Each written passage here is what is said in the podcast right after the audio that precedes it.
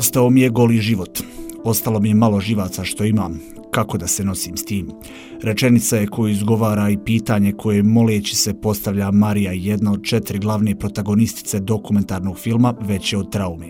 Film je nastao na osnovu programa osnaživanja Ja sam više od svoje traume kreatorke Branke Devčić, koja radi sa nekonvencionalnom tehnikom sistemske konstelacije. Program je osmišljen za žrtve silovanja u Hrvatskoj u ratu 90-ih, a na osnovu njega Vedrana Pribačić i Mirta Puhlovski su snimile pomenuti film Veće od traume. U sklopu podcast serijala Mozaik života Radija Slobodna Evropa, Asija Hafner je razgovarala sa režisjerkom Vedranom Pribačić i sa Brankom Devčić, koučem i stručnom pratiteljkom. Kako biti veći od traume ratnog silovanja?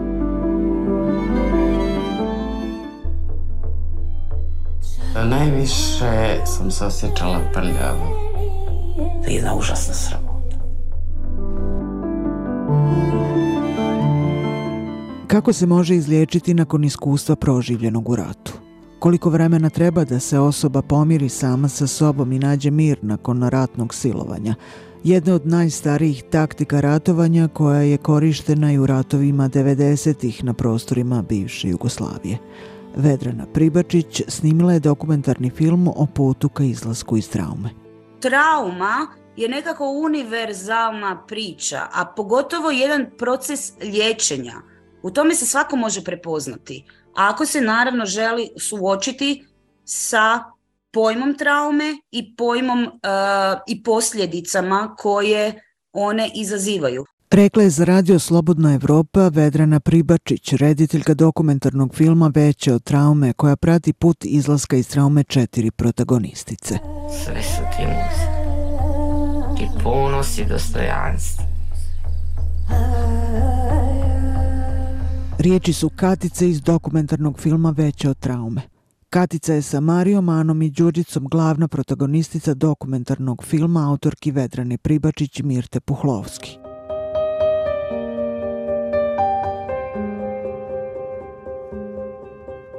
Ove žene su prošle više struka silovanja, mučenja i zatočeništvo tokom rata u Hrvatskoj od 1991. do 1995. Nakon godina života sa traumom, 25 godina kasnije, odlučile su da se upuste u nekonvencionalni program osnaživanja pod nazivom Ja sam mnogo više od moje traume. Ali šta je zapravo trauma?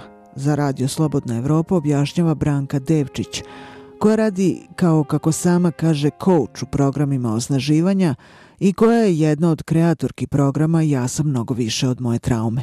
Da, moramo razlikovati akutne i kronične traume.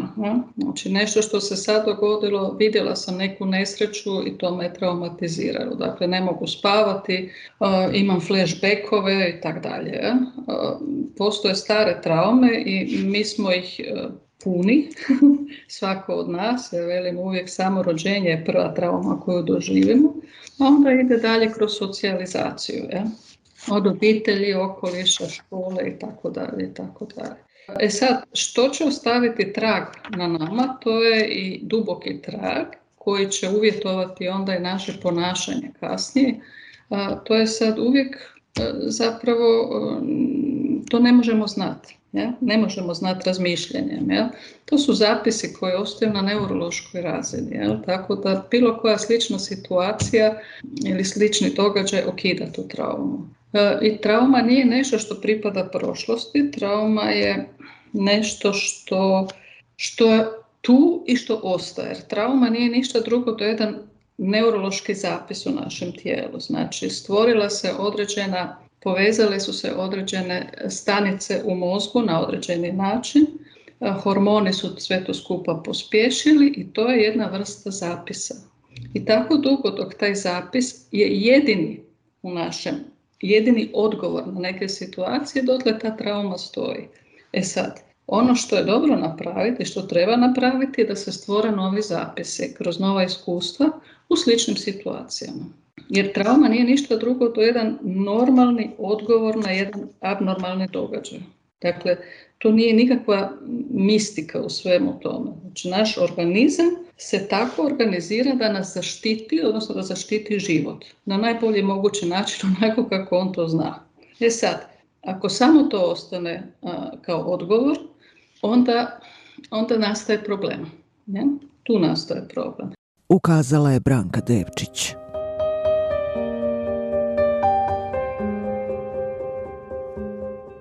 U trenutku doživljavanja traumatičnog iskustva dolazi do prekida kontakta sa resursima koje je osoba imala ranije. Vedrana Pribačić govori o unutrašnjoj i vanjskoj percepciji. Kad vam neko da tu neku dijagnozu, PTSP, to je kao da vas mi je stavio neki mm, na čelo neki znak. Vi ste PTSP, više se ni ne predstavljate kao Marija, Ana ili Vedrana, nego ja sam to, ja imam tu dijagnozu. I na neki način povezujete to, barem su nam tako terapeuti rekli da su bili iznenađeni što su sve, većinom su sve osobe koje su došle u program mislile da su lude, da nešto s njima nije u redu. Uopće nisu znale zapravo da je njihov da je njihova posljedica nešto što se događa u, u, u jednoj situaciji, abnormalnoj situaciji. I čim su one shvatile da one nisu lude, već je tu terapija mogla nastaviti dalje. Rekla je rediteljka Vedrana Pribačić. A kako prebroditi osjećanje stida, straha i nepovjerenja određuje upravo taj lični, ali i odnos društva prema traumi ratnog silovanja. Naglasila je Branka Devčić govoreći o načinu rada u programima osnaživanja. I to je ono što smo mi radili sa ženama. Mi smo stvarali i radili na njihovim i obrazcima ponašanja i odgovorima. Stvarale su se nove sinaptičke veze u neurološkom sustavu. I sad su one imale jednu drugu mogućnost. Tako dugo dok vi to nemate prisutno u organizmu, ne možete ništa napraviti. Ne može se mislima to promijeniti. Znači, treba cjelokupni doživljaj, sva četiri tijela, i mentalno, i emotivno, i duhovno tijelo, i tijelo, fizičko tijelo. I kad se to stvori, onda postoji alternativa. Ja? Ovom drugom, odnosno ovom prvom u filmu jedan terapeut radi, muškarac radi sa ženama. To je naš Hrvoje. On je um, Feldenkrais pedagog i radio je i grupno i individualno. I vi ste vidjeli da se on u jednom trenutku čak i skoro pa i legao na klijenticu i da ona, da ona uopće nije reagirala na to. Ja? Odnosno nije reagirala nekakvim zadrškom ili, ili uh, da se ukočila ili išla u obranu. Dakle, stvorila je jedno novo iskustvo sa muškarcem. Dobro? Znači, od muškarca mogu doći i, i dobre stvari. Je? Od muškarac može biti nježan, muškarac može biti podržavajući. Stvorene su nove neurološke veze. To ne znači da ove stare su se izbrisale. Nisu se izbrisale, one su još uvijek tu, ali postoji opcija.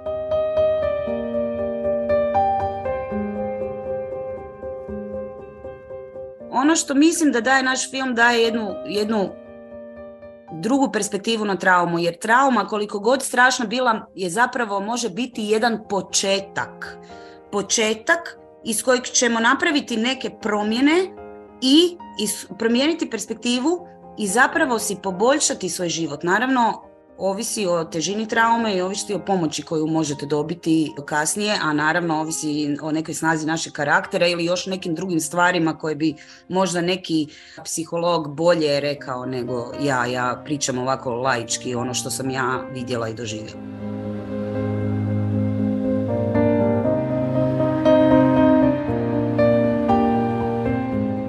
Programu osnaživanja jedna od ključnih tački na putu izlaska iz traume je uspostavljanje povjerenja. Branka Devčić kaže Napravite da stvorite okruženje u kojem se ona može polako otplaviti. Jer e, trauma nije objekt. Ona prožima čovjeka. Znači ne možete u jednoj sesiji ili u jednom radu na traumi nešto učiniti. Ona, će, ona izmiče jednostavno. Čovjek se štiti.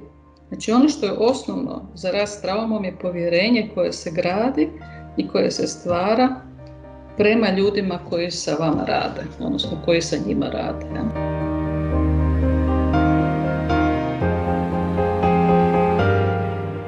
Sistemske konstelacije su efikasna tehnika za sticanje uvida u suštinu problema sa kojim se osoba suočava. Njome se isporučuje unutrašnja slika u srž problema i prebacuje fokus na otvaranje puta ka izlasku iz traume promjenom perspektive.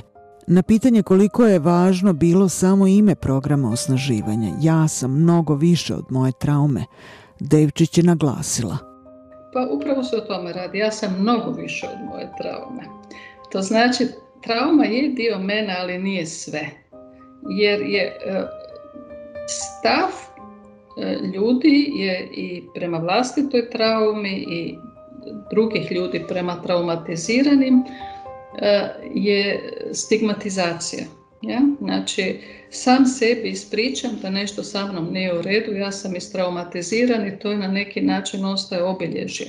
Međutim, e, činjenica je da u tom trenutku traumatizacija dolazi do prekida kontakta sa resursima koje smo imali, jer je takav događaj jednostavno.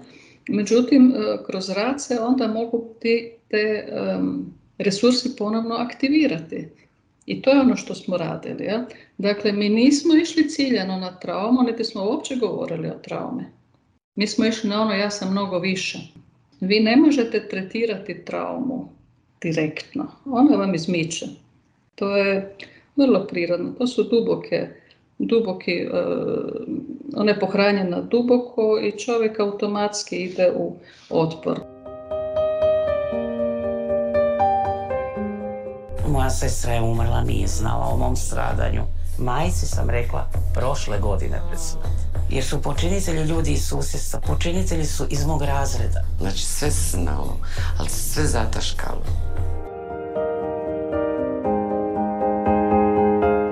Pričale su Marija i Đurđica u dokumentarnom filmu Mirte Puholovski i Vedrani Pribačić, na kojem se radilo od 2017. godine. Samo snimanje je trajalo tri godine, dok je film 2022. krenuo sa festivalskim životom. O promjeni koju je i sama doživjela tokom rada na temi Vedrana Pribačić kaže. Tijekom snimanja ja sam promijenila svoju viziju. Prvo sam ušla vrlo aktivistički u to. Željela sam dati glas ženama. Ja znam koliko je ovo zanemarena tema. Ja sam novinarka, ja sam politologinja, ja sam žena. Ove stvari su se događale 150 km od mene Eh, rat je obilježio sve nas na mnogo načina, ne samo nas kao osobe, nego i naše društvo, ekonomiju. Mi komuniciramo te pojmove već od kad znam za sebe. Prvo je bio drugi svjetski rat, sad je domovinski rat. Nikad kraja tome. Eh, na transgeneracijskim traumama se ne radi. Znači mi dalje ostavljamo bolesno društvo koje ne liječimo, i ja sam htjela dati glas ženama. Mene je zanimalo što se ženama zapravo događalo jer uvijek više manje čujemo o veteranima. Međutim, tijekom snimanja tog filma shvatila sam da je zapravo priča puno veća od toga i željela sam napraviti film koji daje nadu, koji daje mogućnost izlaska iz traume, koji daje mogućnost te jedne transgeneracijske traume koje će se u jednom trenutku rješavati na ovaj ili na onaj način i koja se neće dalje nastavljati na nove generacije i tako je nekako zapravo odjednom sam i ja narasla u svom razmišljanju i cijeli taj film je zapravo veći od toga što sam na početku mislila.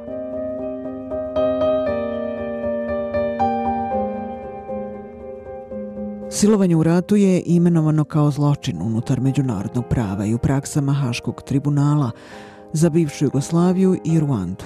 Međutim, tri decenije nakon rata, žrtve seksualnog nasilja su stigmatizovane i obespravljene. U filmu se iznosi podatak da je u Hrvatskoj tokom rata od 92. do 95. bilo 20.000 slučajeva silovanja, od kojih je svega 180 žena prijavilo svoj slučaj. Devčić ukazuje – što čovjek radi, svako se nosi sa njom na svoj način. Ovo su specifične traume zato što se vežu ne samo, e, ima nekih trauma gdje, gdje se čovjeka kroz traumu na neki način i veliča kao heroja, ne, koji je prošao nešto, traumatiziran, ne znam, vatrogasac koji spašava neko dijete iz vatra, on je isto traumatiziran. Ali se gleda na njega kao na heroja. Na ove žene, i opće na žene općenito, je taj pogled e, e, njihov doživljaj je doživljaj srama, krivnje. Znači, e, one nisu heroji, one su zapravo, one jesu heroji jer su to sve skupa proživjeli. Međutim, društvo i one same gledaju na sebe kao oštećena.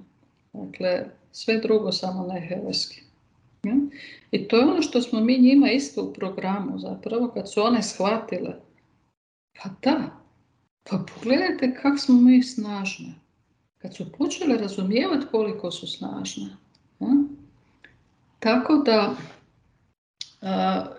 svaka se od njih onda nosila i nosi se i dalje na svoj način i kao što znate vrlo je malo prijava jer je to još uvijek stigmatizirano. One se ne usude jer društvo reagira tako kako reagira. Jer i susjedi gledaju ponekad sa podsmijehom. Ja?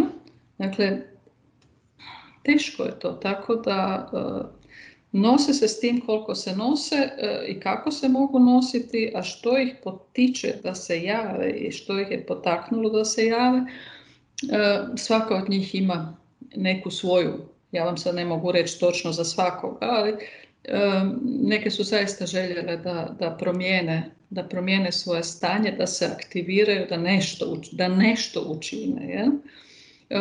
Inače i u drugim situacijama kod ljudi koji nisu prošli ovakve traume, poticaj često puta su e, problemi koji se toliko nagomilaju u obitelji i u odnosima da više ne mogu se sa tim nositi. I, i onda više ne znaju šta će i onda traže pomoć.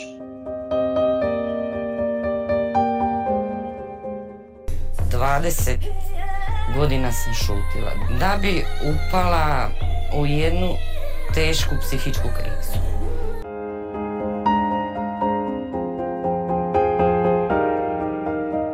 Rekla je Katica pričajući o svom životu sa traumom i odluci da uđe u program Ja sam mnogo više od svoje traume. Individualno nošenje sa traumom ilustrativno pokazuje scena iz dokumentarca u kojoj se vidi jedna od vježbi sa šalovima koji simbolizuju plamen vatre.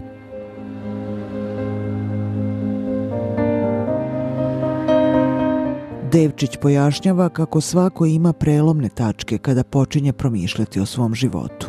Pa evo mislim da je Katica rekla da je kod nje to bila prelomna točka u, u, programu kad je počela razmišljati o sebi. Svako ima neke prelomne točke kad je ono krene, kad počne reflektirati jel, svoj život i sebe sam. Jer e, oni su uglavnom bile na neki način u bijegu od svega toga, još uvijek ne. To je bio modus e, preživljavanja, ali ne i dobrog življenja. To što smo radili sa šalovima, testirali smo prozor tolerancije, znači neurološki sustav smo testirali da vidimo e, koliko im je širok prozor tolerancije i koliko mogu podnijeti. Ja?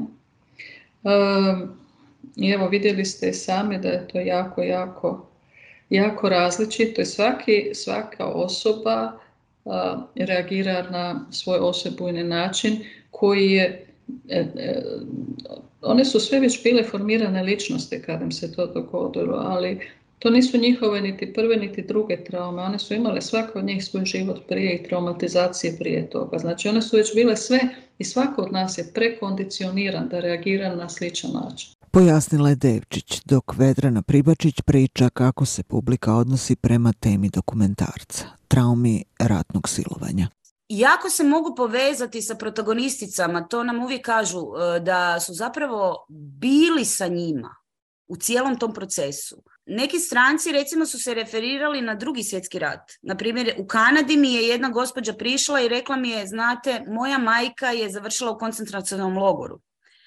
I sad kad vidim ovaj film, ne mogu da si ne postavim pitanje kako bi bio drugčiji naš život i moj i njezin da je imala mogućnost ovo proći. Što puno govori. Naglasila je Vedrana Pribačić govoreći o tome kako je film primila publika. Branka Devčić s druge strane naglašava koliko je važan grupni rad u ovakvim programima osnaživanja. Apsolutno, grupa je esencijalna za ovu vrstu rada jer se radi o odnosima. Dakle, um, vi ne možete raditi na odnosima individualno u toj mjeri u kojoj možete kad imate druge ljude oko sebe. Jer to je istovremeno i rad i test. Dakle, vi u tom radu se vidi kako one reagiraju. Vidjeli ste promjene jel, koje su se dogodile u cijeloj grupi. Dakle, na početku je to stvarno bilo zahtjevno. su bile svaka u svome, začahurene. Kasnije ta čahura se polako počela otvarati i dok nisu ušle u komunikaciju, jednu komunikaciju koja nije uvredljiva za druge i koja je, da velim, da se može reći ono što se želi reći, ali da druga osoba to ne čuje na način kako su prije slušale, znači kao napad na sebe, ja?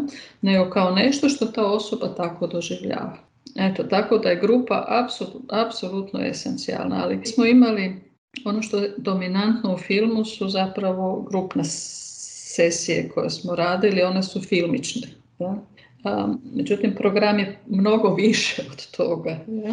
Jer mi smo imali dva terapeuta koja su radila na fizičkom tijelu. I to, je, to se nedovoljno vidi u filmu, jer film je imao jedno drugu, drugo težište, oni su pratili žene, a ne program i nas.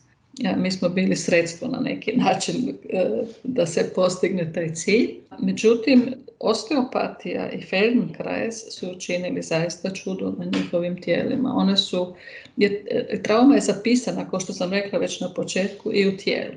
S jedne strane stvar doživljaja i promjene percepcije koja se postiže u konstelacijskom radu, ali s druge strane to treba podržati i na tijelu. Znači da tijelo nauči i doživi neke nove pokrete, da se može opustiti, da postoje fleksibilnije, fleksibilnije tijelo, stvara fleksibilnije sinapse u mozgu. Dakle, sve postaje nekako lakše.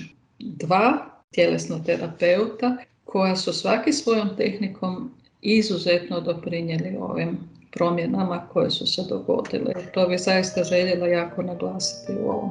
Da nismo samo ono što se vidjelo, nego ono što se ne vidi, a imalo je jako veliki učinak.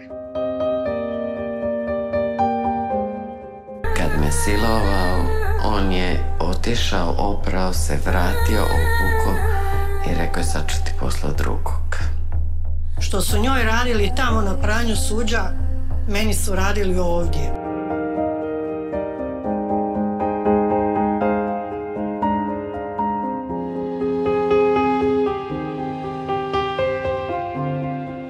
Na pitanje koliko kažnjavanje počinitelja ima efekta u procesu prevazilaženja traumatičnog iskustva, Devčić kaže. Sigurno da kažnjavanje počinitelja ima svoj utjecaj na nešto dođe u mir. To što se dogodilo se neće izbrisati. Mislim da bi najveći učinak e, bio kod žena da, su im, da im silovatelj kaže žao mi je, što se zapravo ne događa i nije se dogodilo. Ali taj žao mi je bi, bilo jako, bi bio jako ljekovit. To što zakon radi i to je odgovor društva na cijelu tu priču. Dakle, na određeni način reflektira i stav i zašto je, to, zašto je ta trauma stigmatizirana. Ja?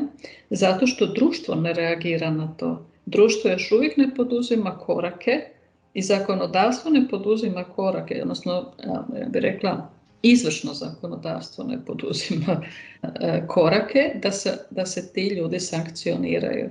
I indirektno vam šalju poruku to nije tako važno ili te žene nisu važne ili taj događaj nije važan ili, uh, ili sama si si kriva u često, često puta, nevjerica da se to uopće dogodilo jer one su trebale ne znam koliko dokaza i svjedoka da se to zaista dogodilo. Kako ćete to naći? Sad nakon 30 godina nakon rata, mislim. To je iluzorno.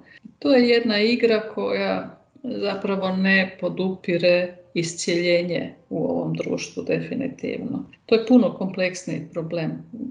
Sigurno da bi im koristilo da se to sukcesivno radi, da svaka od njih ima priliku da ne mora izlaziti po ne znam koliko puta i davati izjave DORH-u, identične izjave koje završavaju onda negdje u ladicama. To je jedno omalovažavanje žrtve. Na kraju to je tužno i žalosno i za društvo i za njih u krajnjoj liniji, ali su se one negdje sa tim pomirile, nakon ne mogu promijeniti. Mm. To je taj osjećaj, ne mogu ništa učiniti. Ja sam govorila, ja sam istupala, one su napravile stvarno herojsko djelo, one su istupile javno, ali ne samo one, mi imamo i muškarce. To je jedna, to je jedna dodatna priča koja se uopće ne govori. Ne mali broj muškaraca je seksualno zlostavljan u tom ratu.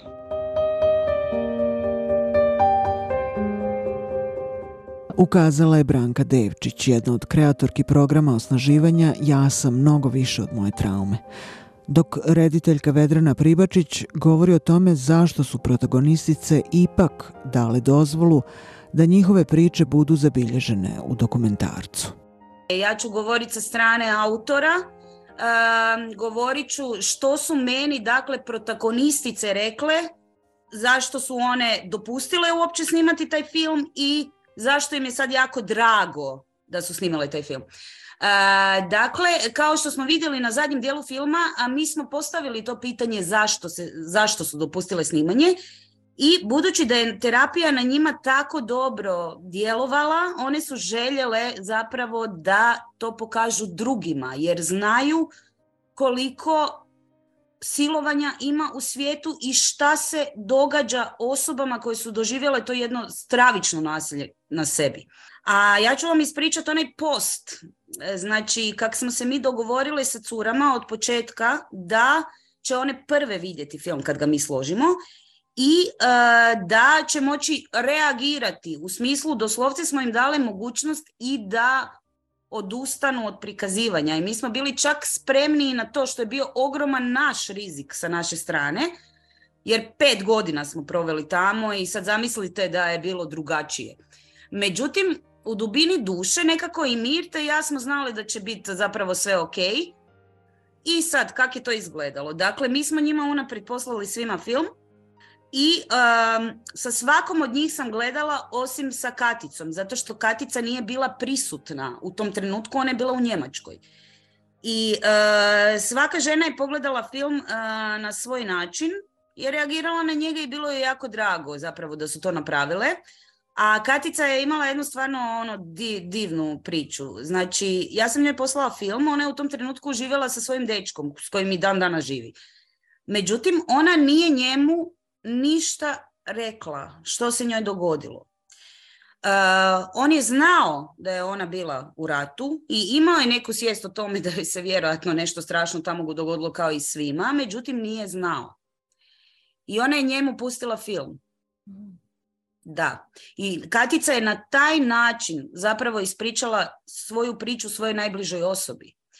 I sad ja sam je pitala kako, kako, kako je on to primio, kako je to izgledalo. I on, ona je zapravo rekla da je on gledao bez riječi ono, svih sati pol filma i da je poslije izašao na balkon. I ona je otišla za njim da vidi što se događa. On je u tom trenutku plakao na balkonu. I kad je ona izašla, on je nju zagrlio i zapravo rekao joj je nešto u stilu sad sve razumijem. Razumijem sve što se dogodilo, razumijem tebe, ja te volim, nikad više se ovako nešto slično neće dogoditi. Marija često ističe da joj je jako drago da postoji taj film jer se uvijek može u životu sjetiti što je za sebe napravila tih dvije godine što je išlo na program. Zapravo protagonistice na taj način razmišljaju da je to jedan divan podsjetnik na ono što su prošle i što su učinile za sebe. Zaključila je Vedrana Pribačić, rediteljka dokumentarca Veće od traume, koji je pratio treću grupu učesnica programa osnaživanja Ja sam mnogo više od moje traume. Za Radio Slobodna Evropa govorila je jedna od kreatorki programa Branka Devčić. Program osnaživanja Ja sam mnogo više od moje traume izveo je četiri grupe učesnika. U posljednjoj četvrtoj grupi učestvovale su četiri žene i četiri muškarca. Dokumentarni film Veće od traume pratio je treću grupu. U filmu se na kraju otkriva podatak da je program zatvoren zbog nedostatka financija.